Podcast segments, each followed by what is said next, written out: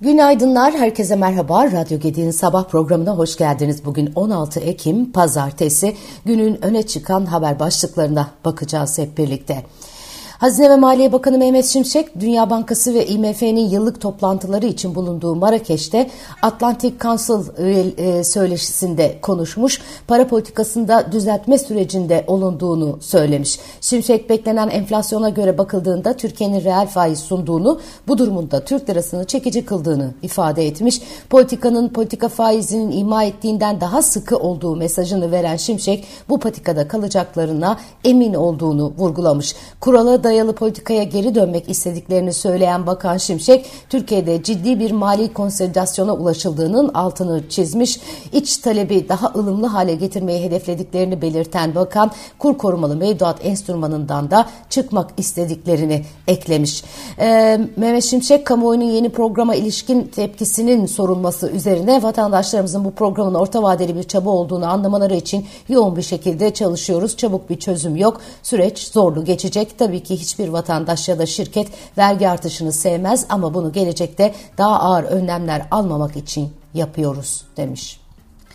Cumhurbaşkanı Yardımcısı Cevdet Yılmaz da e, temel sorun olarak görülen hayat pahalılığıyla mücadele konusunda etkin ve kararlı adımlar atmaya devam edeceklerini vurgulamış. Cevdet Yılmaz'ın değerlendirmeleri de bugün manşetlerde hayat pahalılığıyla mücadeleyi bir yandan gelirleri arttırarak diğer yandan da enflasyonu dizginleyerek kontrol altına alarak sürdürdüklerini kaydediyor. 2024'ün ikinci yarısının ciddi anlamda enflasyonun gerilediği, yıllık bazda da gerilediği bir dönem olacağını ifade eden Bakan Yılmaz 2020 2025'te bu ivme devam edecek. 2026'da ise yeniden tek haneli enflasyonu yakalayacağız. Bunun planını programını yapmış durumdayız demiş. Evet e, 2026'ya kadar gidiyor e, hedef anlaşılan o ki kolay olmayacağını, e, enflasyonun diş macunu gibi olduğunu, bir kere tüpten çıkınca geri sokmanın çok zor olduğunu hep konuşuyorduk. Nitekim onu yaşıyoruz şu anda.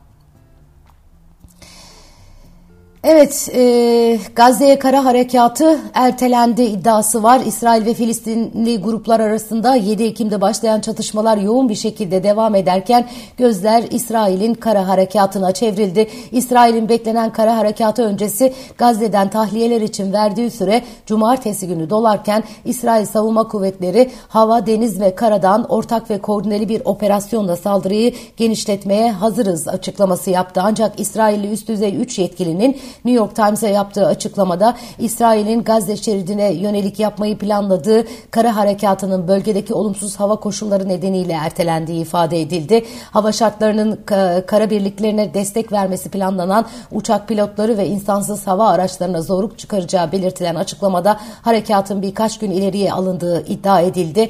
Açıklamada kara birliklerinin yanı sıra harekata tanklar, istikamcılar ve komandoların da katılacağı kaydedilerek karadaki askerlere savaş uçakları, helikopterler, İHA'larla kara ve denizden atılacak toplarla koruma sağlanacağı öne sürüldü. İsrail Başbakanı Benjamin Netanyahu abluka altındaki Gazze şeridine yönelik kara harekatı sinyali vererek bir sonraki aşama geliyor demişti.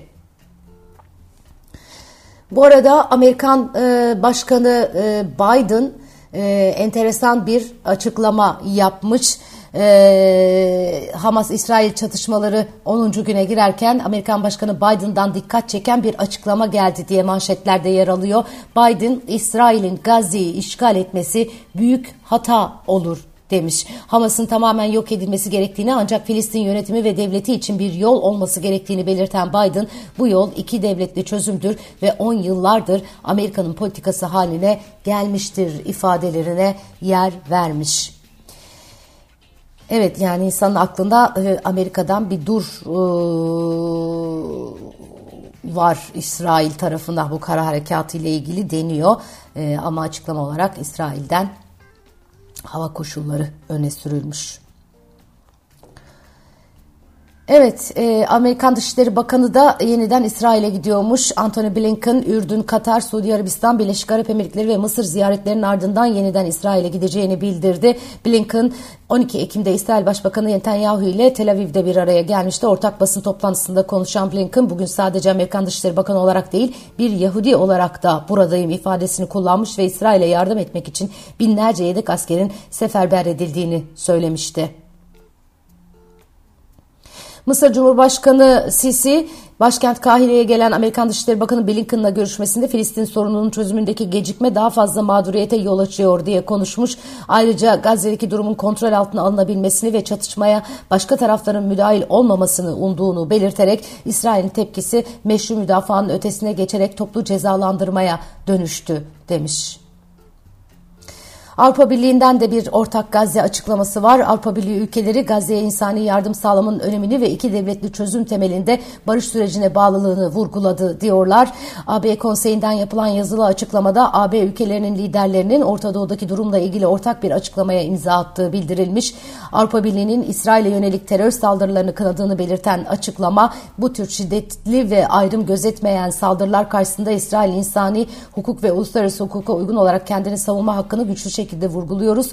Uluslararası insani hukuk uyarınca tüm sivillerin her zaman korunmasını sağlamanın önemini yineliyoruz demişler. Açıklamada Avrupa Birliği'nin Hamas'ı tüm esirleri hiçbir ön koşul olmaksızın der, derhal serbest bırakmaya çağırdığını kaydederek acil insani yardım sağlanmasının önemini bir kez daha vurguluyoruz. Ortaklarımızla koordineli olarak Gazze'de en çok ihtiyaç sahibi sivillere destek vermeye devam etmeye, bu yardımların terör örgütleri tarafından suistimal edilmemesini sağlamaya hazırız ifadeleri kullanılmış açıklamada Orta Doğu barış sürecinde yeniden canlanan çabalar yoluyla iki devletli çözüme dayalı kalıcı ve sürdürülebilir barış ihtiyacı vurgulandı deniyor. AB liderleri 17 Ekim'de yani yarın olağanüstü toplantıda İsrail-Filistin çatışması gündemiyle bir araya gelecek. Tabii e, piyasalara da etkisi var. E, Orta Doğu'da yaşanan e, sıkıntılı gelişmelerin. E, geçtiğimiz hafta e, Rubini'nin, Chris Kahine, Nuriel Rubini'nin daha henüz piyasalar e, işin ciddiyetini kavramadı, fiyatlamalar tam yapılmadı gibi konuşmuştu. JP Morgan CEO'sunun açıklamaları bugün manşetlerde. JP Morgan Chase CEO'su Jamie Dimon, bankanın bilançosunun açıklanmasının ardından yaptığı değerlendirmede dünyanın çeşitli tehditlerle karşı karşıya olduğunu söylemiş. Ukrayna'daki savaş ve Hamas'la İsrail arasındaki çatışmaya atıfta bulunarak dünyada son 10 yılların en tehlikeli dönemlerinden biri yaşanıyor olabilir demiş. Evet. Amerika'da enflasyon beklentisi 5 ayın zirvesinde ABD'de Michigan Üniversitesi'nce ölçülen tüketici güven endeksi Ekim'de 2022 yılının Haziran ayından bu yana en sert e, aylık düşüşü kaydetti. Buna göre tüketici güveni Ekim ay, e, Ekim'de geçen aya kıyasla 5,1 puan azalarak 63'e indi. E, piyasa beklentilerinin altında kalan endeksin bu dönemde 67 değerini alması öngörülüyordu. Bugün çok yoğun bir veri takvimi var. Piyasalar tarafından izlenecek olan yurt içinde konut satışları ve bütçe verileri, yurt dışında ise Çin'in büyüme rakamları ile Amerika'nın perakende satışlar ve sanayi üretimi verileri izlenecek. TÜİK Eylül ayına ilişkin konut satışlarını bugün saat 10'da açıklayacak. Konut satışları Ağustos'ta yıllık %1,1 düşüş göstermişti. Ee, ancak 122.091 adette yılın en yüksek konut satışı da gerçekleşmişti. Ee, saat 11'de Hazine ve Maliye Bakanlığı Eylül ayı merkez Merkezi Yönetim bütçe gerçekleşmelerini açıklayacak. Merkezi Yönetim bütçesi Ağustos ayında 51,27 milyar lira fazla vermişti. Ancak deprem bölgesinin yeniden imarı, devam eden EYT ödemeleri, cari transferler ve sermaye harcamaları bütçe açığının Eylül itibariyle hızlı bir bozulma içinde olmasına neden olabilir deniyor. Bugün ayrıca özel sektörün yurt dışından sağladığı kredi borcu rakamları gelecek. En son e, özel sektörün yurt dışı toplam kredi borcu 155.2 milyar milyar dolar olarak açıklanmıştı. Haftanın ilk işlem gününde hazine 12 ay kuponsuz tahville 5 yıllık sabit kuponlu tahvil içinde ihaleye çıkacak ve Cumhurbaşkanlığı hükümet sisteminin ikinci kalkınma planı olan 12. kalkınma planı Türkiye Büyük, Meclis, Büyük Millet Meclisi'ne sunulacak. Bugünün ajandasında öne çıkan notlarda e, bu şekilde. Tabii jeopolitik riskler altın ve petrol tarafına da e, dikkatle bakılmasını gerektiriyor. Jeopolitik riskler sonrası altın ve petrolde oynaklık artmış durumda. %5,5 artışla geçen haftayı bin, e, 1932 dolardan tamamlayan altın ons fiyatı son 7 ayın en güçlü haftalık yükselişini kaydetti. Brent petrolün varil fiyatı %7,2 arttı ve haftayı 90 dolardan kapattı. Son 8 ayın en güçlü haftalık kapalışı e, petrol tarafında gerçekleşti. E, bu sabah itibariyle altın onsu 1918 dolardan ve Brent petrol 91 dolardan işlem görüyor. Evet, e, Asya borsaları e, bölgeden gelen ekonomik verileri takip ediyor. Çin'in büyüme rakamları, Japonya enflasyon verileri, bütün bunlarla Asya piyasalarının e, bugünkü işlemlerde düşüşte olduğu görülmekte. Bakalım e, bizde piyasalar açıldığında tablo nasıl şekillenecek? Evet, otomotiv üretimi 9 ayda 1 milyonu e, aştı deniyor. Cumhurbaşkanı Erdoğan'ın e, açıklamaları var. Yine deprem konutlarının teslimine başlayacağız demiş. BOTAŞ'tan Rusya'ya olan doğalgaz borcuna ilişkin bir açıklama var.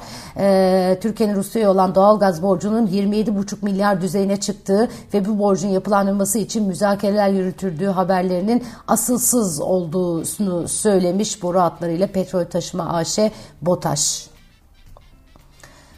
Peki e, ne kadar olduğunu, ne olduğunu söylemiş mi? E, hayır. E, ama böyle bir iddialar var idi. Bu iddiaların e, doğru olmadığını söylüyor BOTAŞ.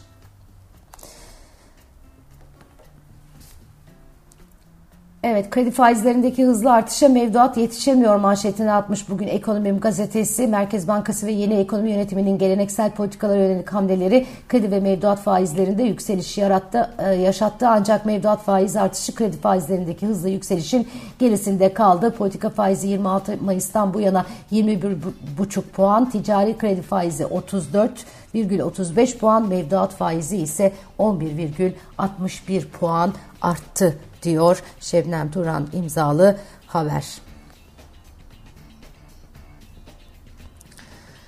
Evet başka bir şey var mı? Şöyle bir dikkatle bakalım. Ee, son bir not olarak size şunu aktarabilirim. Ee, Türkiye Euro 2024'e gidiyormuş. A milli futbol takımı 2024 Avrupa Futbol Şampiyonası elemelerinde D grubunda 7. maçında Konya'da Letonya'yı 4-0 mağlup etti. Türkiye böylece Almanya'da düzenlenecek Euro 2024 finallerine katılma hakkı kazandı. A milli takım Euro 2016 ve Euro 2020'ye grup aşamasında veda ederek beklentilerin uzağında kalmıştı. Şimdi 2024'de gidiyor. Tebrik edelim e, A milli futbol takımını da. Evet bugünün notları böyle. Ee, güzel bir hafta diliyorum herkese. Kolaylıklar diliyorum aynı zamanda. Kendinize çok iyi bakın. Yarın sabah yine aynı saatte Radyo Gedik'te buluşmak üzere. Hoşçakalın.